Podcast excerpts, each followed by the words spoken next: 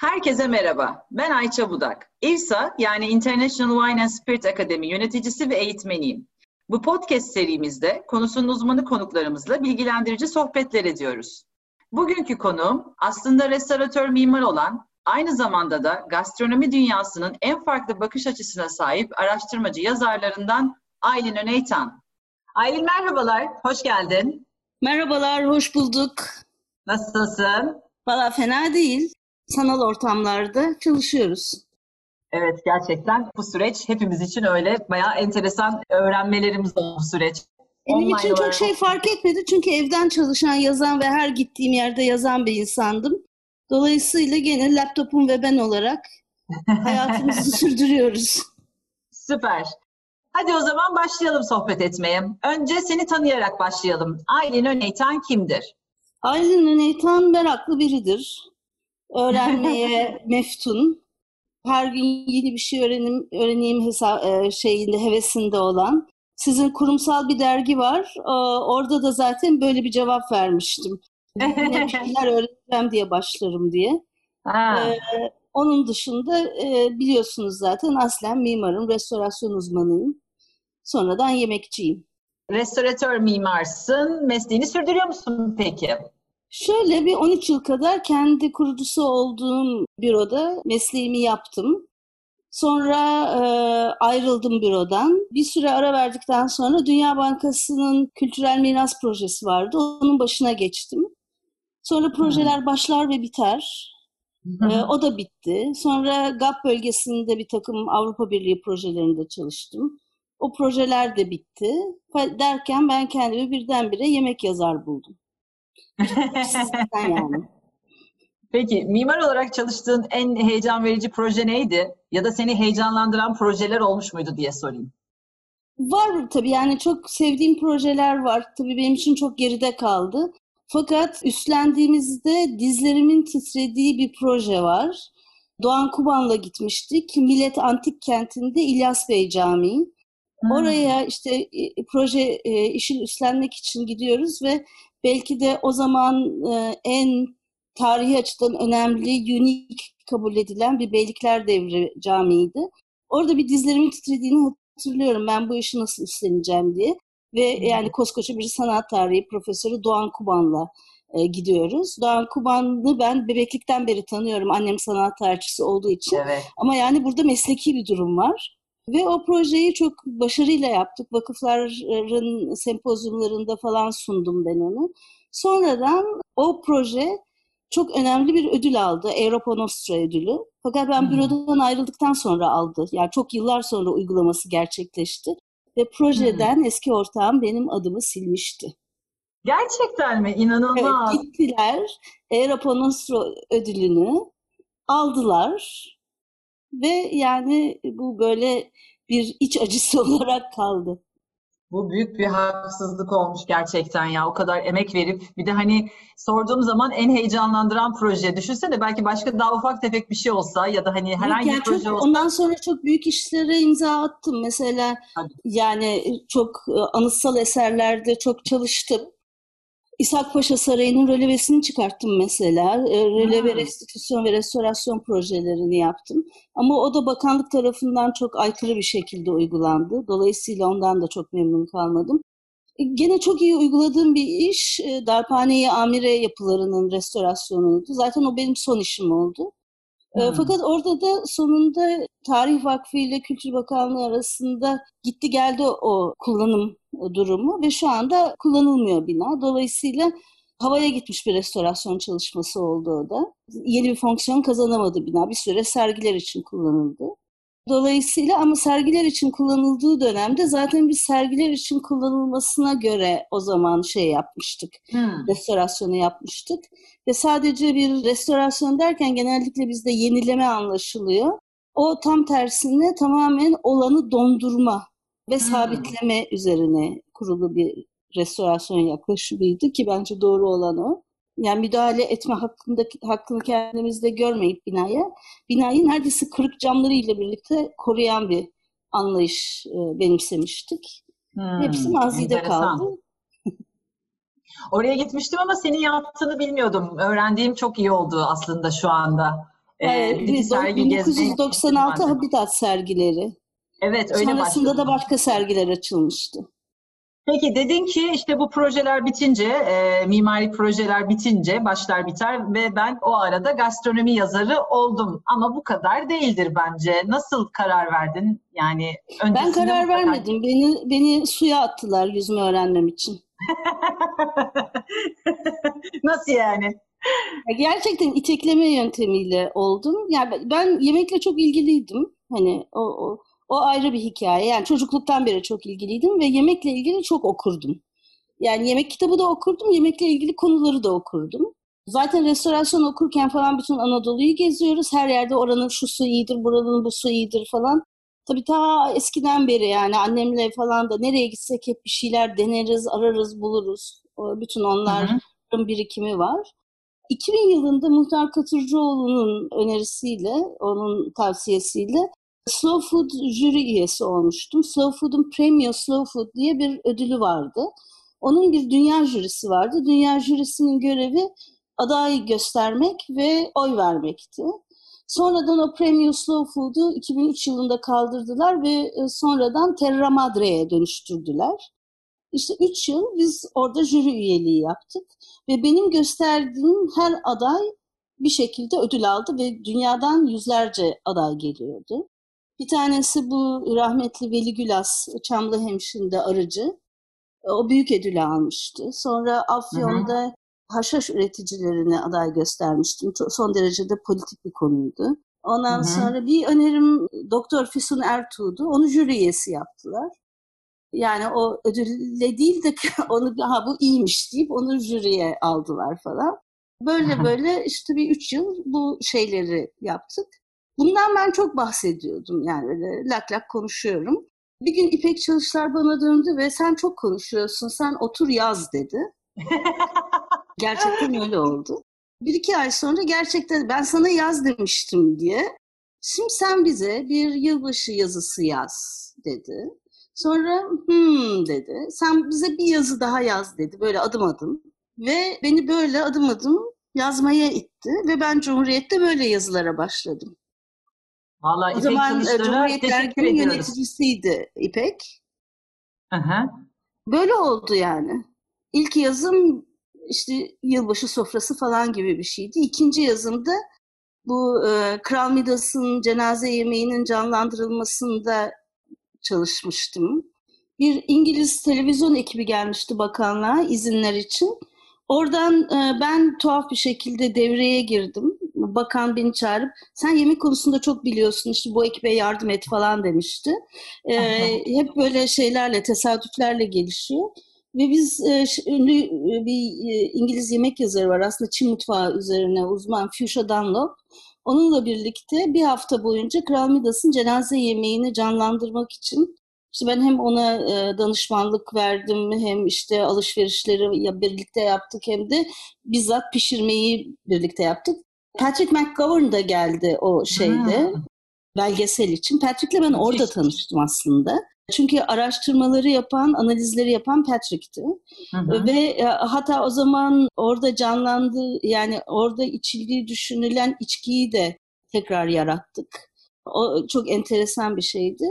E, ikinci yazı olarak bunu yazdım Cumhuriyet'te. Ondan sonra işte gene İpek böyle Hı, bu iyi gidiyor, sen yazmaya devam et diye. E, açık söyleyeyim yani ilk başlarda benim yazıyla hiç işim olmazdı ya boş e, ekran karşısında ağladığımı biliyorum yani sinirden. ne yazacağım, nasıl başlayacağım diye. Çünkü mimarlar öyle pek yazı çizi işlerinden anlamazlar. Çizi işlerinden anlarlar daha doğrusu kendilerini çizgiyle ifade ederler ben aslında doğru dürüst yazmaya projelerin üstünde biz not yazma yöntemi geliştirmiştik. Türkiye'de restorasyon projelerinde ilk defa uygulanan bir yöntem. Öyle başlamıştım. Yani hani yapılacak müdahaleyi uzun uzun yazıyorduk e, proje üzerine. Yazılı projelerdi yani bizimkisi sadece çizili değil. Sonra da Dünya Bankası'nda e, rapor yazarak yani sayfalar boyu rapor yazıyorduk. İş planları hazırlıyorduk. İşte uygulama e, planları hazırlıyorduk ve onlar tamamen yazarak oluyordu. Fakat tabii böyle gazetede yazı dili falan yani bana ay şey kadar uzay e, gibi uzaktı yani. ee, öyle öyle başladı işte. Yani İpek Çalışlar'a e, büyük bir teşekkür borçluyuz aslında. Seni bizim gastronomi dünyamıza kazandırdığın için. Böyle şey e, böylesine derin içindeki mevzuları... canavarı açığa çıkarttık diye. Ben de ilk yazını soracaktım ki zaten sen anlattın. Peki şimdi birden fazla mecrada yazmaya devam ediyorsun. Yazdın yazmaya devam ediyorsun. Tabii bir de dinleyicilere NTV Radyo'daki Çiçeği Burnunda yeni programını hatırlatalım. Acı tatlı mayhoş. Dinleyicilerimiz senin yazılarını nereden takip edebilirler? Hangi mecralardan? İngilizce olarak Hürriyet Daily News'da yazıyorum. O Hı-hı. Cumhuriyete paralel gelişti. Orada da e, Murat Yetkin'in beni zorla yazmaya itmesi sayesinde diyeyim. Gene Aylin senin bu yazıların İngilizce'de de olması lazım diye. ee, ve orada direkt kendim İngilizce yazıyorum. The Guide İstanbul'da yazıyordum fakat bu ay kapandı maalesef. Hmm. Ee, işte başka Milliyet'te yazıyorum şimdi Pazar Ekim'de. Gastro dergisinde yazıyorum Nilhan'ın, Nilhan Aras'ın. Evet, halen aha. dijital olarak çıkarttığı. Evet, çok güzel bir dergi o da. Efendim? Çok güzel bir dergi o da diyorum içerik evet. olarak. Zaman çok zengin Aa, ve kaliteli. Düzenli yazdığım orası var. Şimdi Food in Life Gökmen'inkine yazıyorum. İşte çıktığı zaman Feed'e yazıyordum. Onun dışında yani arada yazdığım yerler var. Al Monitor'a bir dönem yazdım. Forbes Travel Guide'a yazdım falan filan. Yani böyle bir, bir dönem seyahat dergilerine yazdım. Onlar işte başlayan biten işler. Bazen de dönemsel olarak gelen şeyler. Hı hı. Ee, öyle yani. Süper. Bayağı aslında hangi dergiye, gazeteye elimizi atsak bir Aylin Öneytan e, yazısına rastlarmışız gibi bir halimiz var. Çok da zor değil Aylin Öneytan'ı takip etmek. e, yani işte olduğu kadar. Peki, Oxford Food Sempozyum'da dünyanın en önemli yemek e, sempozyumlarından bir tanesi gerçekten Oxford Food Sempozyum. En eski takip edensin Türkiye'den diye biliyorum ben. Ve yıllardır da hep mutlaka orada yazıların ve çalışmaların yer alıyor. Hangi konular üzerine çalıştın? Bir de Sofiko ödülünü hangi konuyla kazandın ve bunun için nasıl bir araştırma yaptın bu konuya çalışırken? Uzun bir geçmişi var bunun da. Ben 2007 yılında Oxford Sempozyum'a başladım. Aslında e, hep gitmek istiyordum çünkü bu hani çok meraklıyım her şeyi okuyorum falan diyorum ya. Sempozyumun varlığından çok öncesinden beri haberdardım. Hı hı. E, benden önce aslında Nevin Halıcı gitmişti. Onun bir üç veya hı. dört kere gidişi var. Dolayısıyla oradan da biliyordum. Nevin Hanım'ın gidişinden de biliyordum. Nevin Hanım'ın Feyza Halıcı ile birlikte abisi burada düzenlediği sempozyumu da biliyordum. Dolayısıyla hep o zamanlardan beri merakım vardı ve her sene de böyle bir başvuru için hani bir yeltenip cesaret edememe halleri vardı. Hatta bir yumurtanın konu olduğu yıl bir e, yelteneyim mi yeltenmeyeyim mi diye şöyle şey yaptım. Sonra işte bu hani Slow Food'da e, Afyon'daki haşhaş üreticilerini aday gösterdim demiştim ya. Hı hı. Bir e, sene Food and Morality olarak tema açıklandı. Ondan önce de Fuchsia Dunlop'la bu e, Kral Midas'ın belgesel çekimini yapmıştık. Ya Fuchsia'yla da çok konuşmuştuk. E, hani sen bu e, Oxford'a geliyor musun, gelmiyor musun, niye gelmiyorsun? O e, Oxford'un çok eski e, katılımcılarından biriydi. Ya gelsene falan. İşte o yumurta yılı cesaret edemedim. Neyse falan dedi. Sonra Food and Morality olarak açılanınca konu Fuchsia da yüreklendirdi. Ya bu sene başvur işte falan diye. Ve ben e, böyle gayet iptidai bir şekilde nasıl başvurulacağını bilmiyorum. Bir özet yazmak gerekiyor, bir abstract gönderiliyor filan. Bir cesaret, bir abstract yazdım. O zaman Muhtar Bey'e bir gösterdim. Ondan sonra başkalarına da gösterdim. Şimdi isim vermeyeyim. Ee, beni çok hani hevesimi kıran diyeyim. Böyle konuda çıkmak son derece yanlış şeklinde bazı kişiler de oldu. İşte haşhaş mevzu falan. Oradaki bütün hikaye şuydu. Food and morality yani yemek ve e, nasıl diyeyim tam Türkçe'ye ahlak, etik falan gibi kavramların hepsini içeren bir konu. Haşhaşın bir politik baskı olarak üretiminin Türkiye'de yasaklanması ne kadar doğru?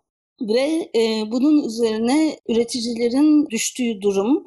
Sonra e, bu yasağın alkaloid fabrikası kurarak delinmesi ve haşhaş üretiminin tekrar başlaması ve bunun neredeyse dünyada örnek gösterilecek bir model olması ve ne zaman politika e, yani ülkeler arasındaki baskılar işin içine girerse her zaman işte ezilen e, köylü tarım olabiliyor gibi bir yaklaşım. Hı hı. Ama Haşhaş'ın bütün geçmişinden Hitit'ten ve antik dönemdeki e, ve bütün betimlemeleriyle tabii annemin orada sanat tarihçisi olması Selçuklu Çinilerinden kilimlere kadar işte ne bileyim ben Hitit e, rölyeflerinden e, her konuda her yerde işte Osmanlı kaynaklarında falan e, geçmişini irdeleyen bir şeydi. Tabii Oxford Food Symposium yemek tarihine çok önem veriyor. Yani illaki tarih Hı-hı. üzerine olması gerekmiyor. Ve o sene katıldım. Fusion'un ta- e, sayesinde de herkesle böyle hani çok çabuk bir kaynaşma ve bir araya gelme oldu. Ve e, oradaki insanların yüre- yüreklendirmesiyle o ilk sunduğum konuyla Sofiko ödül, ödülüne aday oldum. Aldım yani bir şekilde ki Sof- Sofiko ödülünü almak öyle pek kolay bir şey değil. Ve e, o zaman rahmetli Harlan aramıştı. E, Sofiko ödülünü aldınız diye. Birisi benimle dalga geçiyor falan zannettim yani. Diyorum ki hiç kimse aday olduğumu bilmiyor ki kimse de dalga geçemez diye. E, o, ondan sonra da işte e, her yıl hemen hemen sonra yavaş yavaş e, artık paper vermemeye başladım. Hatta bu sene salep sunacaktım ama son anda bir vazcayma durumu oldu. Paper da hazırdı aslında sanal olunca e, sempozyum katılmadım. Çünkü bu sene bir de Dublin'e katıldık. E, hmm. Galiba onu da izlemiştim Dublin'deki sempozyuma. Yok Dublin izleyemedim. Bir tane online sempozyum bir sene içinde yeter deyip. Yeter bence de. Gerçekten çok daha zor sempozyumu online izlemek. Çünkü inanılmaz yoğun bilgi bombardımanı. Yani parçalara bölüp izlemek zorunda kalıyorsun. Oraya gittiğinde çok daha kolay hani daha akıcı bir şekilde takip edebiliyorsun. iki gün, üç gün önemli değil ama online'da hayat çok daha zor. Katılıyorum. Ekrana bakarak devamlı konsantre olmayı zorlaştırıyor diye düşünüyorum ama Dublin'i de bir şekilde en azından belki paperlarından okudum. Ya, evet şimdi çok enteresan sempozyumlar var dünyada. Yani ben çok yerde katıldım. Ya, Polonya'da, hmm. Krakow'da da, Bangkok'ta da işte ne bileyim ben Hindistan'da, Yeni Delhi'de de Fransa'da sürekli e, tekrarlanan turda e, bir şey var, sempozyum. Oraya iki kere gittim falan. E, yani mecralar çoğaldı aslında. Hı hı. Artık birazcık böyle konu çok denk geldiği zaman ve çok insanın hani anlatmak isteyeceği bir şey olduğu zaman giderim gibi geliyor. Sana biraz sanki gıda antropoloğu diyebilirmişiz gibi geliyor. Yani ben senin anlatımlarında, yazılarında, tabii seninle yaptığımız bütün etkinliklerde de konuların inanılmaz derinine indiğini, asla yüzeysel olmadığını, bir de çok yeme içme yazarından farklı olarak acayip enteresan bağlantılar kurabildiğini düşünüyorum. Yani kelimenin etimolojisine bakarak bambaşka bir yere gidiyorsun. Oradan o konuyu alıp başka dillerle bağlayabiliyorsun. Bu bambaşka bir e, nasıl diyeyim sonuca doğru götürüyor e, seni dinlerken ya da seninle bir şey çalışırken. Yani bence sana gıda antropoloğu diyebiliriz gibi geliyor bana. Yani neye borçlusun bunu diye merak edeceksin galiba. ya bir kere şeye e, borçluyum gerçekten. A, a, annemin dibinde e, çok ciddi bir sanat tarihi formasyonu aldım. E, Dil Tarih e, ve Coğrafya Fakültesi'nin işte bütün arkeologları, bütün sanat tarihçileri onların dibinde büyüdüm diyebilirim. Dolayısıyla Hı-hı. öyle bir ortamda bulunmak zaten Ankara'da biraz öyledir. Yani hani bütün o kültürel ortamın insan içinde yorularak büyüyor. Yani bir kanalda da tabii şeyler de vardı. Ailede çok sanatçılar var. Hı-hı. İşte ne bileyim ben e, her e, cuma konsere gidersin bütün işte ne bileyim ben balelerin e, işte provalarına kadar girersin falan. Bütün oradan aslında insan bir yoruluyor. Onun şeyi var. Tabii merak da var. Dediğim gibi yani hani bu tür konulara hep yakın çevrelerde olmanın bir avantajı var. Tabii mimarlık ve restorasyon bunun üstüne çok şey ekliyor. Onları okumak. E, mimarlık da zaten bir tasarım bakışı ve e, formasyonu veriyor. Nedensellik ODTÜ'nün yani ayrıca herhangi bir mimarlık eğitimi değil, ODTÜ'ye de çok şey borçluyum. Çünkü orada hiçbir sorunun cevabı pat diye verilmez. Hep araştırmak ve merak etmek esas hmm. ve de nedenselliğe inmek e, e, esastır. Dolayısıyla bu formasyondan gelen bir şey. Bir de herhalde beyinde tuhaf bir şey var. Böyle alakaya çay demle hemen tuhaf, tuhaf şeyler oluyor böyle. Evet, kablolar değişik bağlanmış Kab Kablolar sende. biraz değişik bağlanmış bende. bu arada annesini sık sık değiniyor. Daha yakından tanımak isteyenler için ben dinledim. Şahane bir podcast o da. Nilay Örneğin podcastlerinde. Nilay? Nilay Örneğin yaptığı ee, podcast. Gönül Öney e, bölümünü dinlerseniz böyle muhteşem bir insanın nasıl muhteşem olduğunu da görebilirsiniz. Çok güzel bir bölüm. Büyük keyifle dinlemiştim. Hem kendisi yani bilgisi, mesleki şeyi hem de ne bileyim öğrencilerine davranışı, dünya görüşü her şey muhteşem bir insan gerçekten annem Gönül Öney'de. Ona da selam olsun buradan. Şimdi senin olağanüstü yazıların var Aylin. Yani ben her birini yakalayamasam da yakaladıklarımı yani böyle ha bunu dur ya bir, bir daha bir daha dinç bir kafayla bir daha okuyayım dediklerim oluyor aralarında. Bu yazılarını bir kitapta toplamayı düşünmüyor musun? Ki bence yapmalısın. Düşünüyorum. Herhalde Oğlak yayınları bunu dinlerse bir sopayla üstüme yürüyecek. Yıllardır bekliyor benden. Terzi söküğünü dikemez. Hmm, değil yani, mi? Öyle oluyor. Evet. Bir türlü beceremediğim şey. Birisi benim için toplamalı belki de. O kadar güzel referans yazılar var ki yani hani bir şeyi araştırmaya başlayacaksan ben önce mesela bakıyorum Aylin o konuda yazmış mı? O senin zaten yönlendirdiğin şeylerle daha da derine girip de bakabiliyorsun. Yazı da tek başına yetebiliyor ama yani çok çok kıymetli yazılar onlar. Bence bir an evvel kendi Maalesef Cumhuriyet'in arşivine çok ulaşılamıyor. Aha. Yani orada öyle bir handikap var. Yoksa internette bir sürü şeyi bulmak mümkün tabii. Aynen. Senin bir kitabın var. Antep mutfağı ile ilgili bir kitap yazdın. Güneşin ve Ateşin Tadı. Biraz içeriğini dinleyebilir miyiz senden? Ya o bir projeydi ve ben inanmazsınız o projeyi ihale yoluyla aldım. Nasıl yani? bir editör aranıyordu. İşte beş yazar, tarifler toplanmış. Bunu ticaret odası bir çalışma olarak uzun süre çalışmışlar. Fakat kitabı son anda bir hani bir editöre ihtiyacı var bu kitabın diye düşünmüşler. Çünkü tarifler var ama tarifler kitap haline gelmiş değil. İşte orada ben bir ekip oluşturdum ihale derken teklif verdim. Teklif alma usulüyle. Ve tasarımcı olarak Suzan Aral ve aynı zamanda illüstrasyonlar için, fotoğraflar için de Tuğba Şatana ile birlikte bir ekip olarak biz başvurduk. Duyduğuma göre diğer rakip editör bir kere yemek dünyası ile ilgili değilmiş. Fotoğrafçısı ve de e, öyle tasarımcısı gibi bir şeyle girmemiş. Ha. Ve benim tam iki misli teklif vermiş. Böyle bir hayat acısı olarak kazındı. Ve biz e, bir proje olarak yaptık bunu. Tabii o e, tarifler aslında e, yeniden yazılması ve tek bir formatta yazılması gerekiyordu. Ama hı hı. benim içime o şekilde sadece bir tarif kitabı olması içime sinmedi. Dolayısıyla her bir bölümün önüne o bölümle ilgili e, şeyleri koymak istedim. E, açıklayıcı yazılar.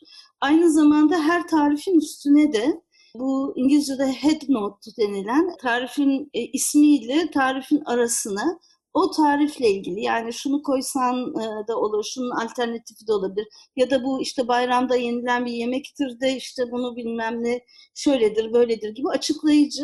Bence böyle bir tarif kitabında mutlaka böyle bir başlığın olması yani bir ön e, bir iki cümle bile olsa o tarife dair birkaç kelime olması lazım. Çünkü o e, o tarifle okuyucu arasında bir bağ kuruyor ve onu anlatıyor. Tabii bazı dipnotlar da oldu. Püf noktayı bir kenarda vermek falan gibi.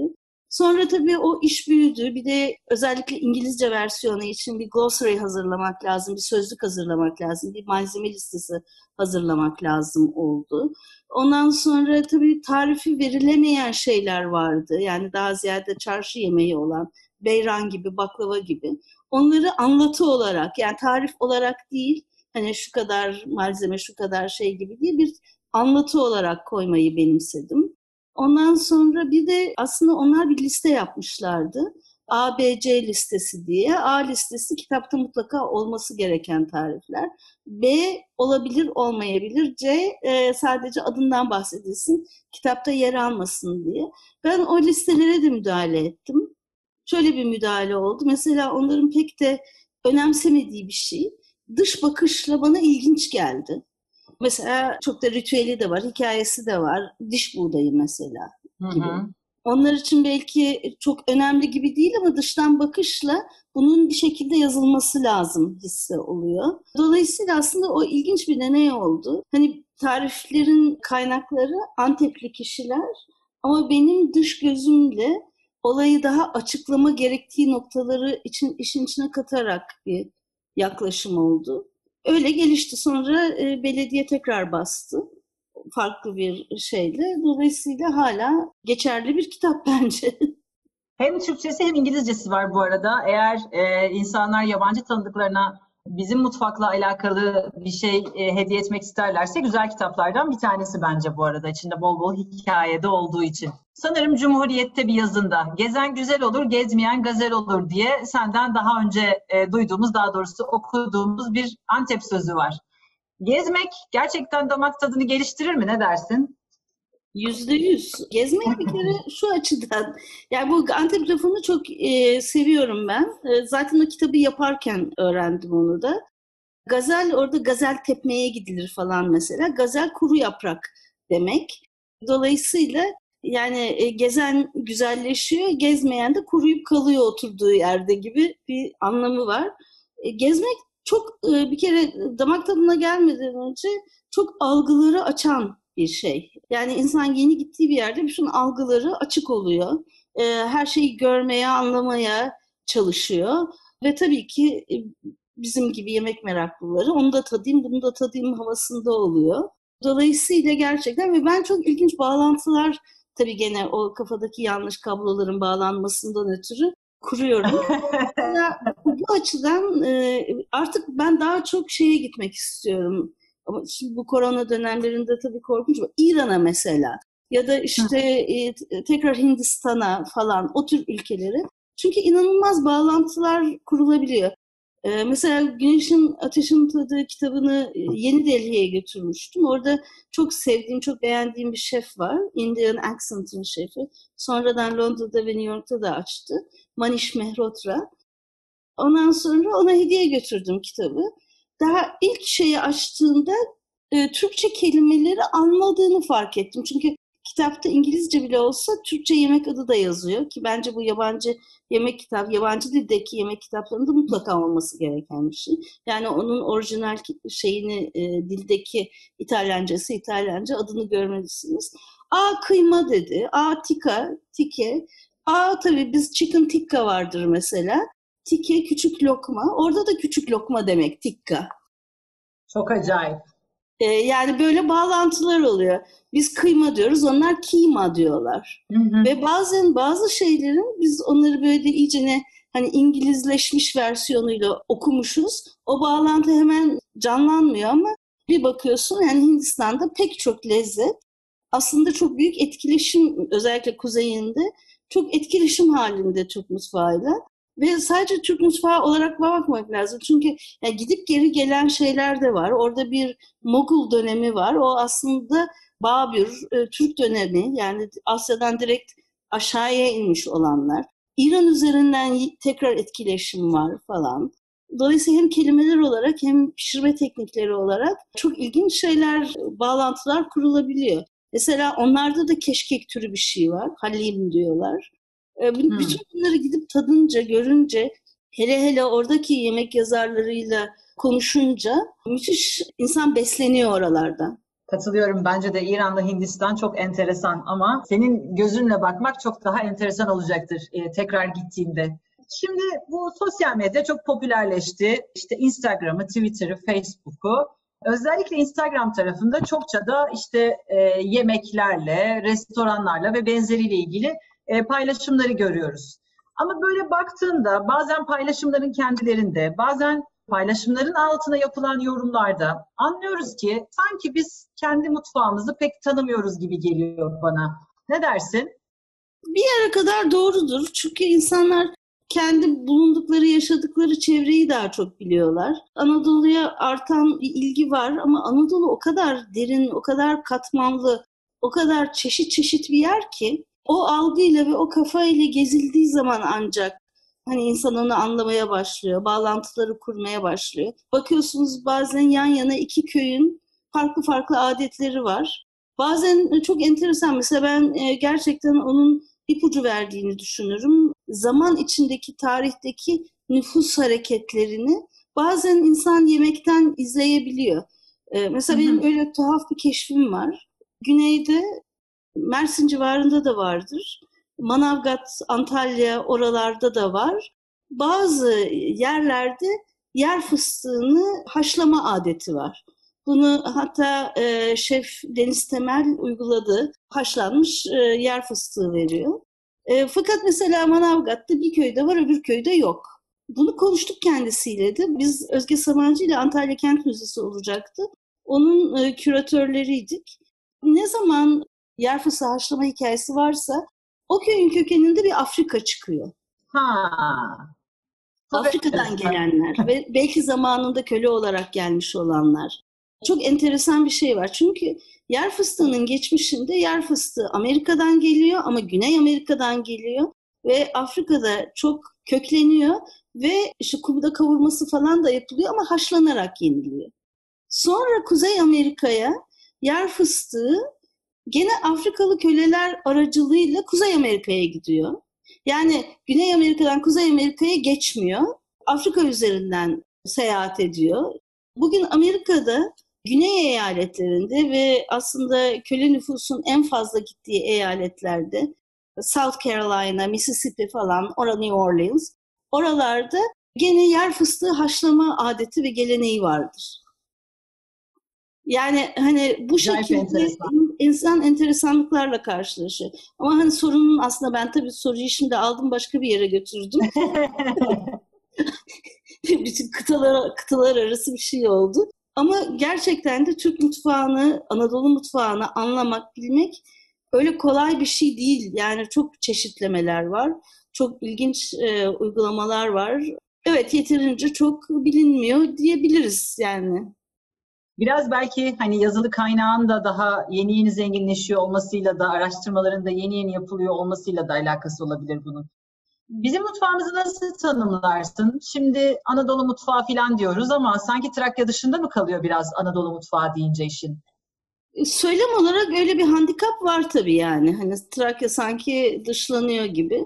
Yani aslında Anadolu mutfağından kasıt deyince e, bu hep tartışılıyor. Özge ile de hep bunu konuşuruz.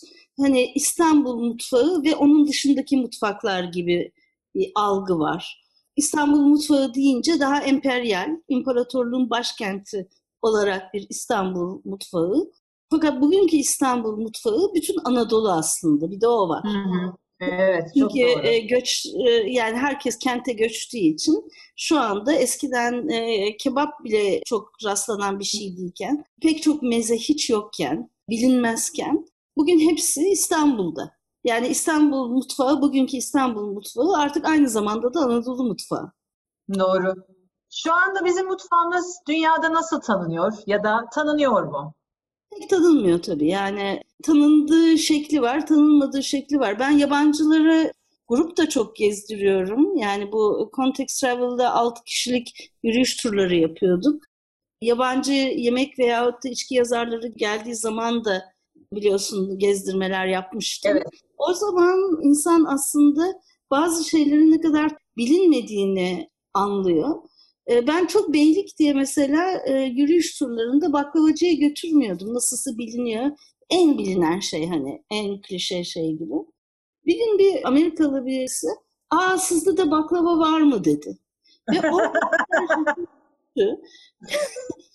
yani nasıl yani sürekli o kadar para vermiş culinary walking tour alıyor. Belli ki yemek meraklısı.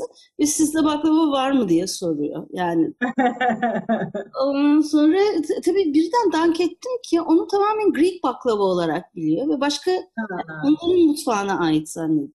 Şimdi tabii Türkiye'de şöyle bir şey var. Yani biz Türk mutfağı olarak sahiplendiğimiz mutfak aslında eski Osmanlı coğrafyasındaki tüm ülkelerle de aslında paralel mutfaklar. Yani bir Ege mutfağı e, Yunan mutfağından çok farklı değil. Güneydoğu mutfağı bir Halep mutfağından e, çok farklı değil. Çok büyük benzerlikler var. Dolayısıyla yani Karadeniz'e gittiğiniz zaman Gürcü mutfağıyla benzeşmeler görüyorsunuz. Aslında bu yüzden e, biz bazı şeyleri tamamen hani bilindiğini düşünüyoruz. Fakat onlar bir Lübnan mutfağı özelliği veyahut da bir Yunan mutfağı özelliği olarak bilinebiliyor. E, tabii yani çok fazla aslında bu konuda yazılıp çizilmesi lazım. Hem Türk yazarları, Türkiye'deki yazarların hem de yabancı yazarların yazması lazım.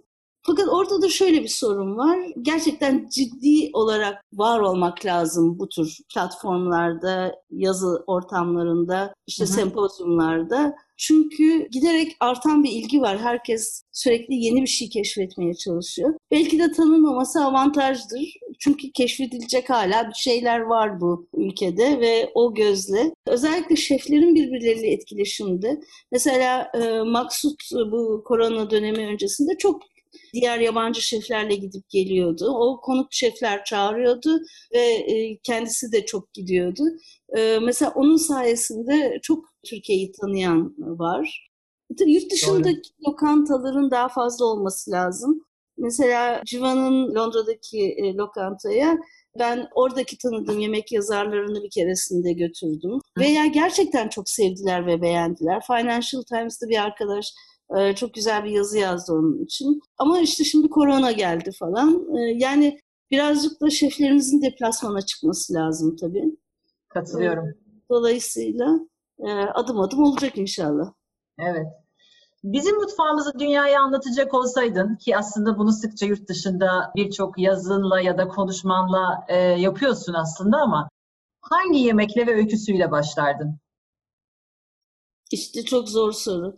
Mesela e, şeyde yani bir sürü yanı anlatılabilir, bir sürü yönü anlatılabilir diye Türk mutfağının düşünüyorum. E, bir kere şunu, şunu söyleyeyim, hani en yemek diye, diye sorusuna cevap vermek zor ama biz bazı şeyleri çok önemsemiyoruz. Onları kanıksamış oluyoruz ve de onlara gerekli önemi vermiyoruz. Ya da işte kebapla anılmaktan utanıyoruz. Radio 4 için bizzat gelip benimle ses kaydı almışlardı. Çok ilginçti. Hani kebap nedir diye orada anlatmaya çalışmıştım ve biz kestane kebaba da mısır kebaba da kebap diyoruz. Bir kebap lafını bile anlatmak çok çok zor bir şey. Ama çok kanıksanan ve e, sevilen yemekler bir mercimek çorbasını ve ezogelin çorbasını da anlatmak lazım farklı bakış açılarıyla bazı şeyleri anlatmak lazım. Mesela şimdi trend olarak işte fermentasyon çok önemli, veganlık e, yükselen bir şey. Biz mesela zeytinyağlı mutfağımızı yeterince anlatmıyoruz. Halbuki tamamen vegan bir yaklaşım. Yani vejeteryan bile değil, vegan zeytinyağlı kategorisi. Ve zeytinyağlı Aynen. kategorisini Mesela benim The Guide'da yazdığım bir e, Vegan Side of Turkish Cuisine diye bir yazı yazmıştım. E, sonradan dediler ki bizim en çok yemek konusunda en çok tıklanan yazı bu oldu. Çünkü hemen ha. orada ilgiyi çekiyor. Yani böyle bir kategori var. Bu bakış açısıyla anlatma. Yani sadece neyi anlatacağımız değil, hangi bakış açısıyla anlatacağımız çok önemli bence.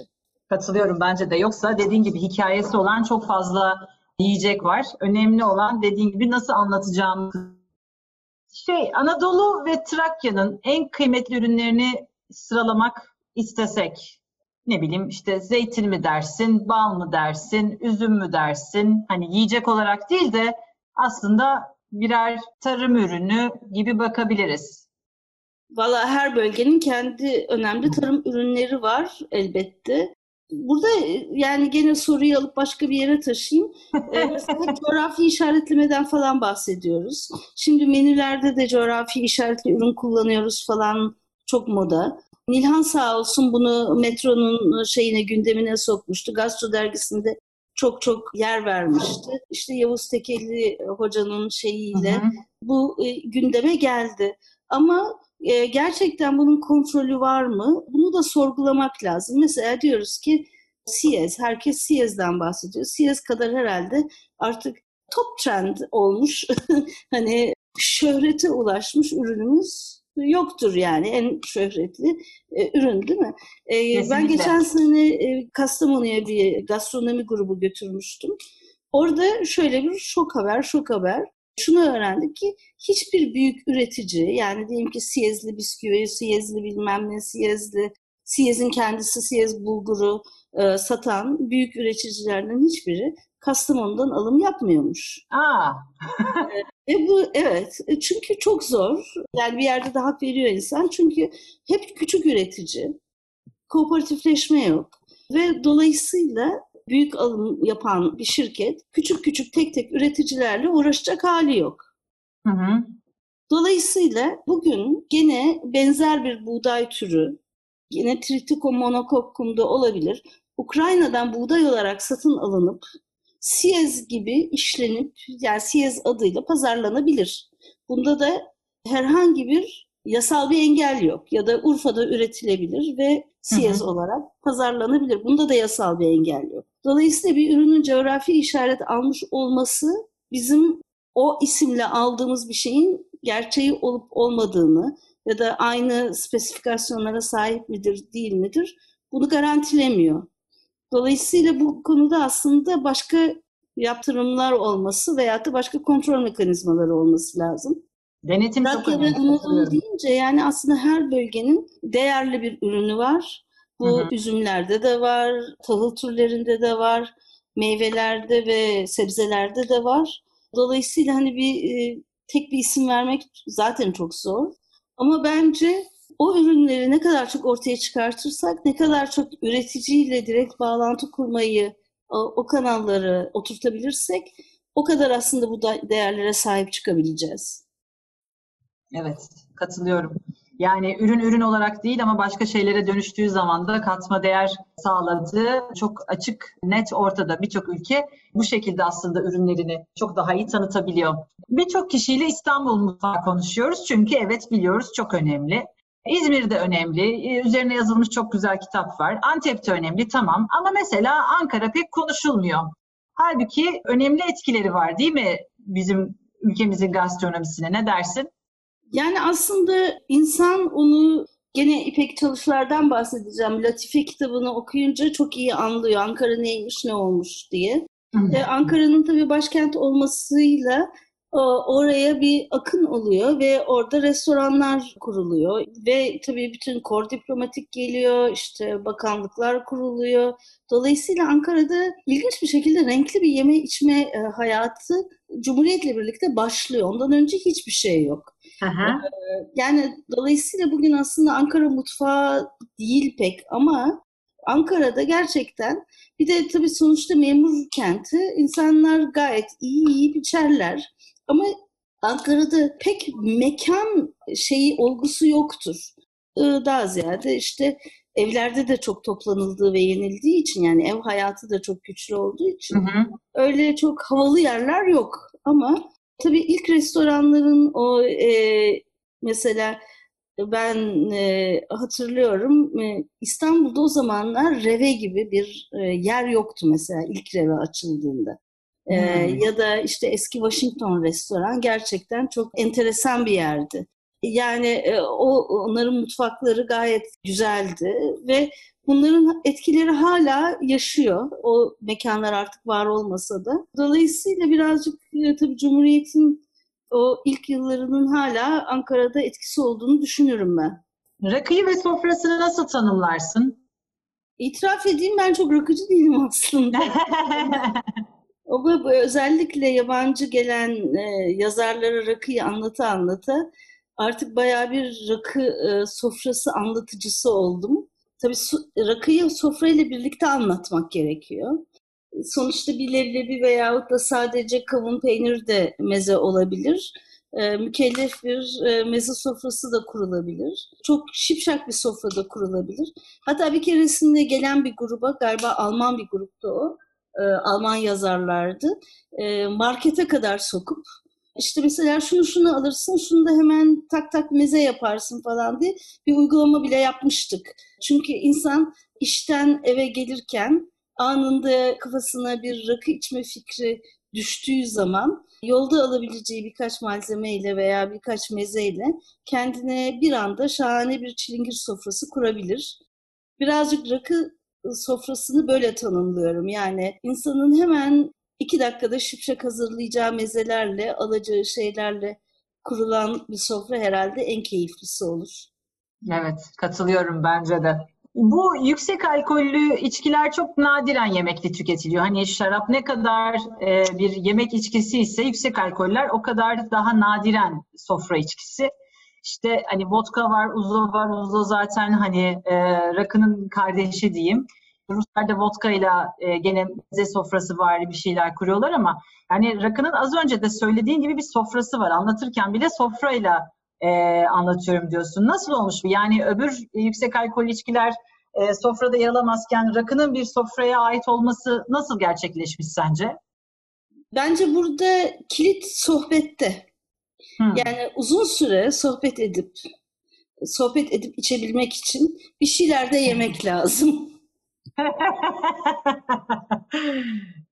Çünkü e, rakı, rakının, rakı sofrasının olmazsa olmaz mezesi sohbet. Aynen. Ee, ve o sohbeti sürdürebilmek için ve dolayısıyla sohbetin de zamana ihtiyacı var.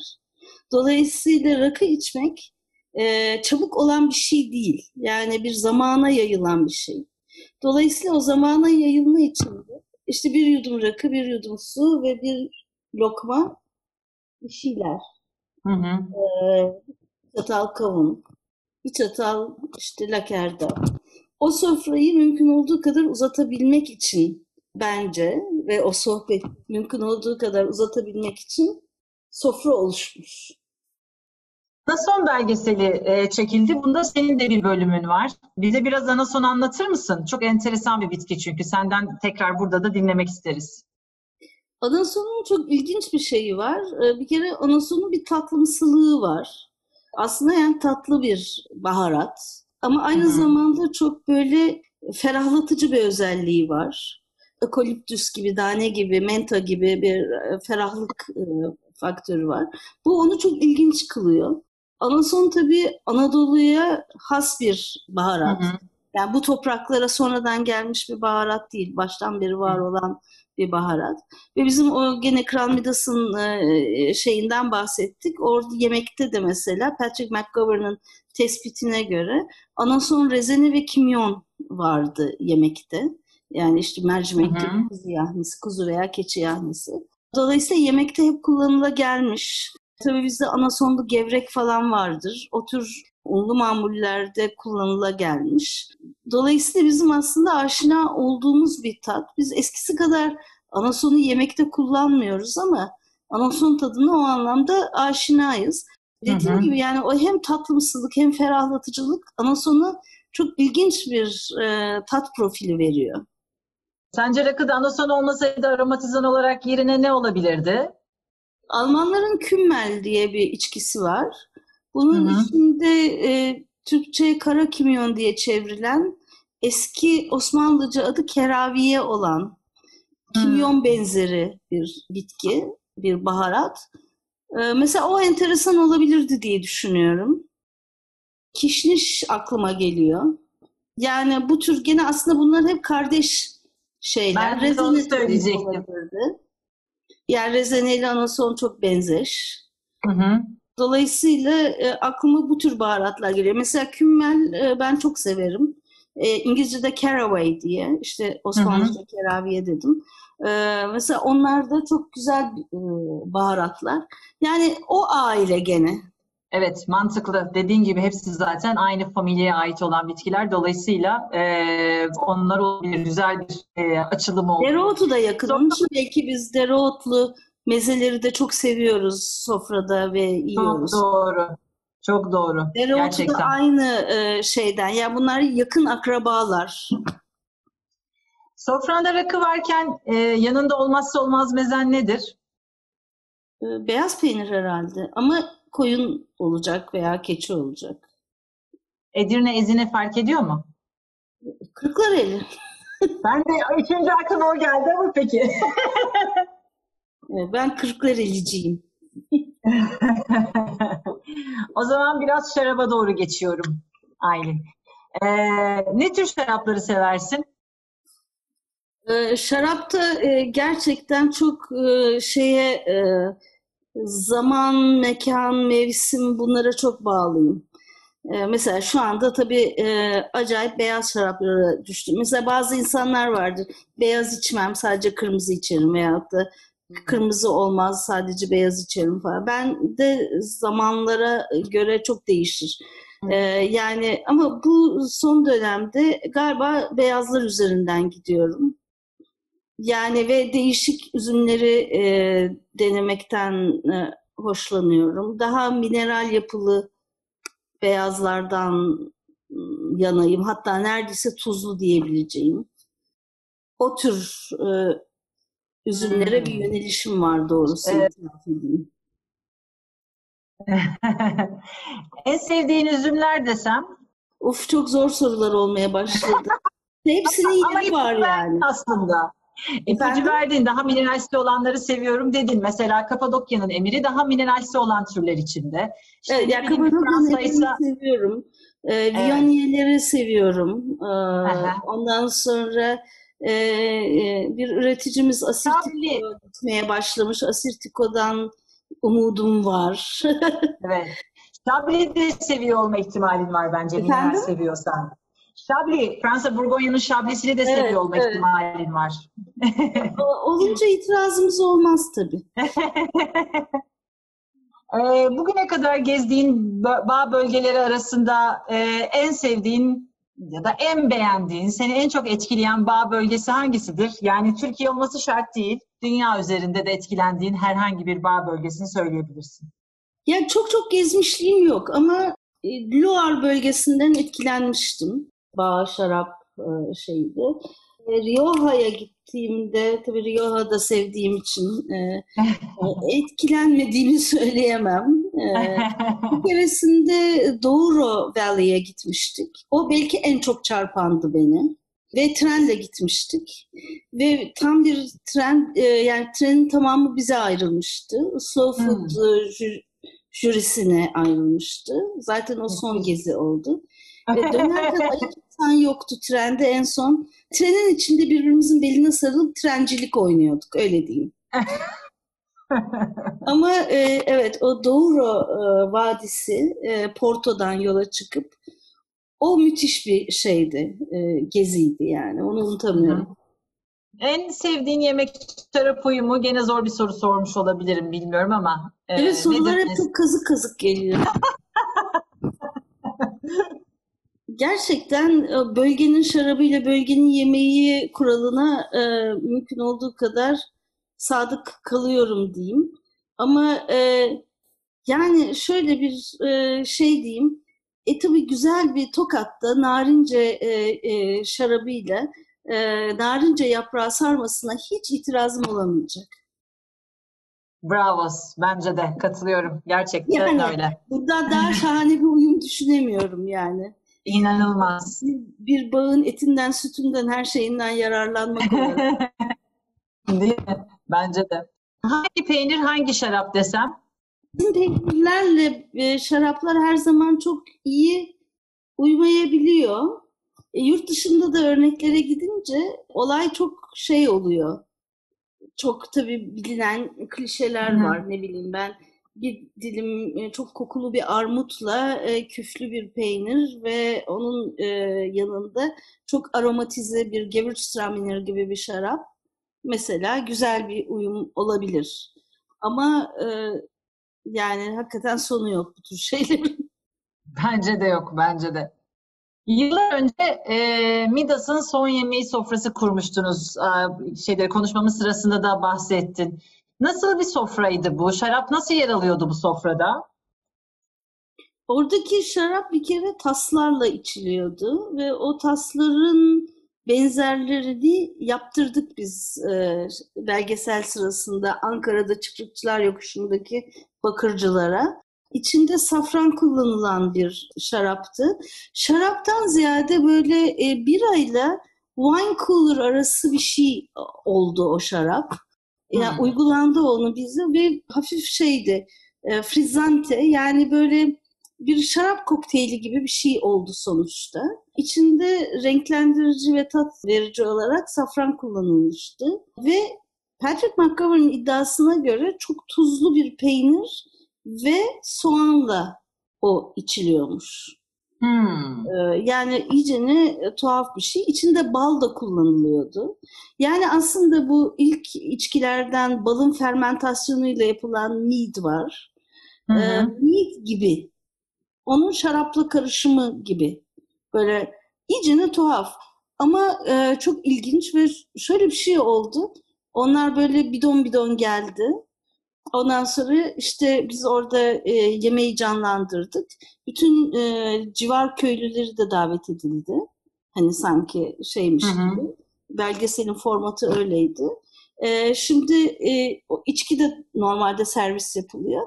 İnsanlara diyoruz ki yalnız bu alkollü hani içmek ister misiniz? Yok yok güzelmiş diye herkes içiyor. onları bidonlarla götürdüler. Yani inanılmaz. Evet.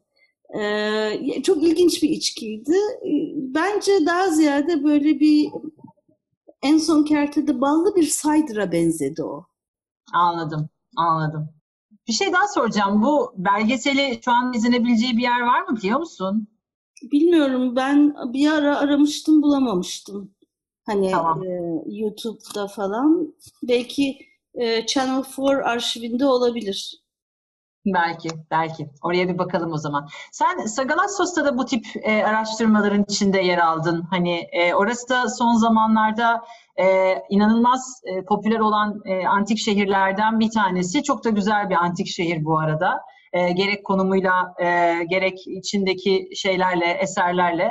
Burada da e, enteresan bulguların oldu mu? Onlardan bahsetmeni istesek. Ya orada aslında şöyle bir şeydi. Sakalassos kazısı çok multidisipliner çalışan, e, çok farklı disiplinlerden çok kişinin çalıştığı ilginç bir kazı.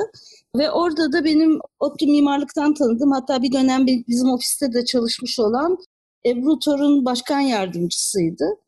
Ee, ve şimdi o da ayrıldı kazıdan ama bu Belçika'da yaşıyordu. Zaten Belçikalıların e, e, Leuven Üniversitesi'nin bir kazısı. E, Antoniner Çeşmesi'ni e, yapan çocuk da ODTÜ kökenli inşaat mühendisidir. O da Belçika'da e, restorasyon okumuştu. E, dolayısıyla o ikisini tanıyordum ve biz bu şeyi yaparken Antalya Kent Müzesi ile ilgili araştırmayı yaparken e, Sagalasos'u da ziyaret ettik ve böylece tekrar bağlantı kurulmuş oldu. Sagalasos kazısı aynı zamanda sosyal sorumluluk projelerine de önem veriyordu ve ee, özellikle Ağlasun'da turizmi geliştirmek, işte orada da or, oranın halkına yönelik bir takım e, çalışmalar yapmak gibi düşünceleri de vardı. Dolayısıyla onlarla e, şeyde e, bir tekrar bu böyle bir e, şeyde yolumuz çakıştı ve e, Ağlasun'daki yemek kültürünü araştırmak üzerine bir çalışma yaptım ben. Ve onun sonucunda aslında şöyle ilginç şeyler oldu. Tabii hem paralellikler kurulabiliyor e, antik dönemle e, ilgili hem de Ağlasu'nun kendi araştırma şeyleri e, ilginç sonuçlar verdi. Hatta orada açılan bir otel e, bunları e, uygulamaya aldı.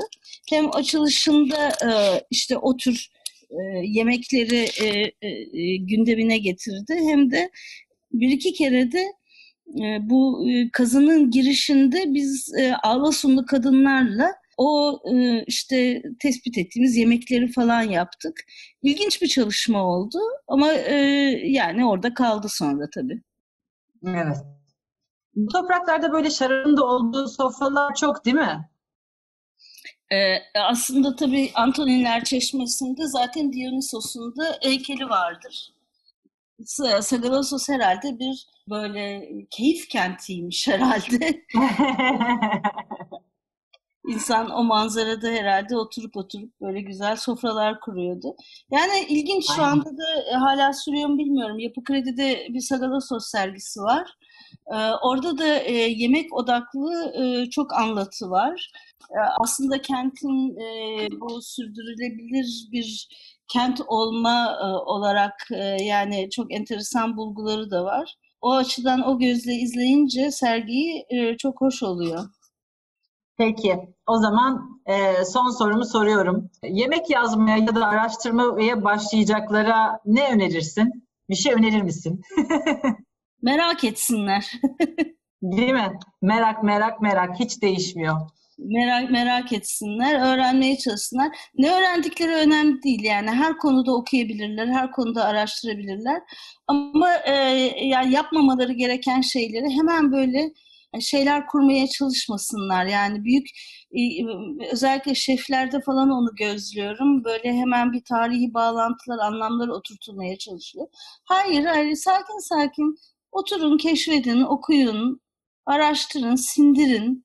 Yani yemek yazmak için önce bir sindirmek lazım bence. Bence de katılıyorum. Ee, şimdi e, ben Aylin'le oturup bir programı sadece dolma sarma üzerine yapabilirdim. Bir programı oturup e, Anadolu'nun bayramları üzerine yapabilirdim. Bir başka program mantı üzerine olabilirdi. Yani bu bir, bir buçuk saati her bir tema için ayrı ayrı e, doldurabileceğimiz bilgisi olan bir insan Aylin Öneytan. O yüzden birazcık daha böyle yüzeysel gitmek zorunda kaldım. Çünkü çok derin konular. Gerçekten 5-6 çalışma durumunda kalabiliriz. Belli olmaz belki de ileride böyle tema tema gideceği şeylerimiz de olabilir, podcastlerimiz de olabilir. Aylin ben çok teşekkür ediyorum e, bize vakit ayırdığın için. Çok kıymetli, güzel bir sohbet oldu tekrar. Teşekkür ederiz. Ben teşekkür ederim.